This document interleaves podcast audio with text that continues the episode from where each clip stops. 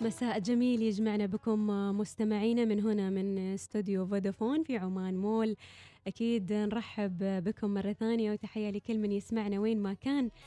إذا كنت في عمر الشباب ولا كنت في عمر آه، الشيوبة خلوني أخبركم عن بعض العلامات اللي آه، تأخر الشيخوخة بمقدار عشر سنوات. يعني إذا كان عمرك ثلاثين سنة هذه الأنماط اللي بخبركم الحين عنها بترجعك لعشر سنوات ورا. يعني اللي بيشوفك ما بيقول عمرك ثلاثين سنة بيقول عمرك مثلا عشرين سنة. توك شباب. أخبركم هذه الأنماط مستمعينا يقول لكم أول شيء طبعا.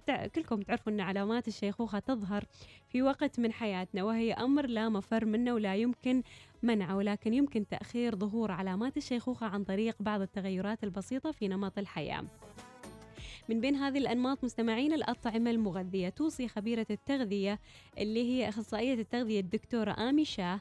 آه طبعا هذه آمي شاه موجودة على الاست... على الإنستغرام وبحسب موقع تايمز أوف إنديا تقول هذه الخبيرة مستمعينا إضافة المزيد من الأطعمة المغذية والحقيقية إلى النظام الغذائي.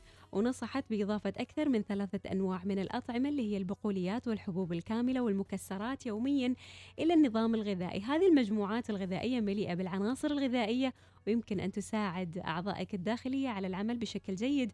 ويمكن أيضا المغذيات آه، الموجودة في هذه المجموعات الغذائية أن تقلل من خطر الإصابة بالأمراض المزمنة وتزيد من طول العمر. أيضا من بين الأنماط اللي ممكن تتبعوها مستمعينا لتأخير الشيخوخة تقليل استهلاك اللحوم الحمراء. توصي هذه الدكتورة مستمعينا بالحد من تناول اللحوم الحمراء والمعالجة إلى أقل من خمس حصص في الأسبوع. يقولكم اللحوم الحمراء مليئة بالكوليسترول والدهون غير الصحية ولن يؤدي تناولها المفرط إلا إلى تمهيد الطريق لمشاكل القلب. من ناحية أخرى يمكن أن تزيد اللحوم المصنعة من خطر الإصابة بسرطان الأمعاء والمعدة.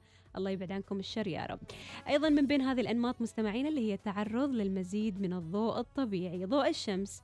ليس فقط أكبر مصدر لفيتامين د ولكنه يساعد أيضا في تقليل التوتر وتحسين الحالة المزاجية ولكن هذه ولكل هذه الأسباب من المهم أن تتعرض للشمس لبضع ساعات كل يوم. آه طبعا نقص فيتامين د شائع جدا بين الناس وهو عنصر غذائي مطلوب لتنظيم كمية الكالسيوم والفوسفات في الجسم والحفاظ على صحة العظام.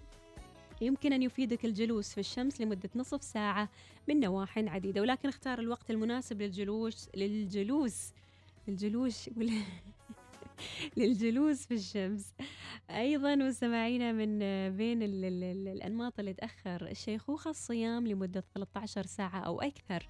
يمنح الصيام فرصة لأعضائك للتركيز على عملية الشفاء بدلا من الهضم ويساعد على التئام الأعضاء حتى تتمكن من العمل بشكل جيد. ويمكن أيضا أن يقلل من خطر الإصابة بأمراض مزمنة وبالتالي يضيف سنوات إلى حياتك.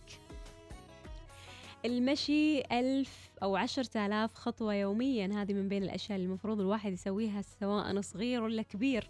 الحفاظ على النشاط البدني أمر ضروري مثل تناول الطعام الصحي أو إجراء تعديلات أخرى على نمط حياتك.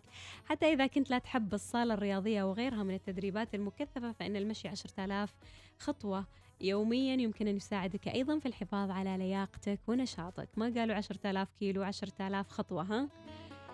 أيضا من بين الأشياء والأنماط اللي تأخر الشيخوخة مستمعينا ابحث عن طرق للتخلص من التوتر. طبعا التوتر آه، يمكن أن تؤثر الأحداث الشخصية والمهنية المتعلقة بالتوتر على صحتك ورفاهيتك. خطط لبعض الأنشطة في اليوم للتخلص من التوتر وتهدئة عقلك سواء اخترت القراءة أو المشي في الطبيعة أو التأمل.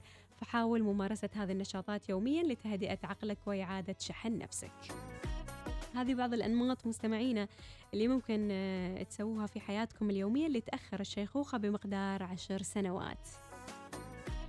يعني شوفوا اللي آه، اللي اللي حاليا آه، يعني هم معدين عمر الشباب لا زالوا يعني كذا بشبابهم. ليش؟ لأنهم محافظين أكيد على صحتهم وعلى أنماط حياتهم الصحية. على كل المستمعين دروب السلامة نتمناها لكم فاصل وبعدها مواصلين.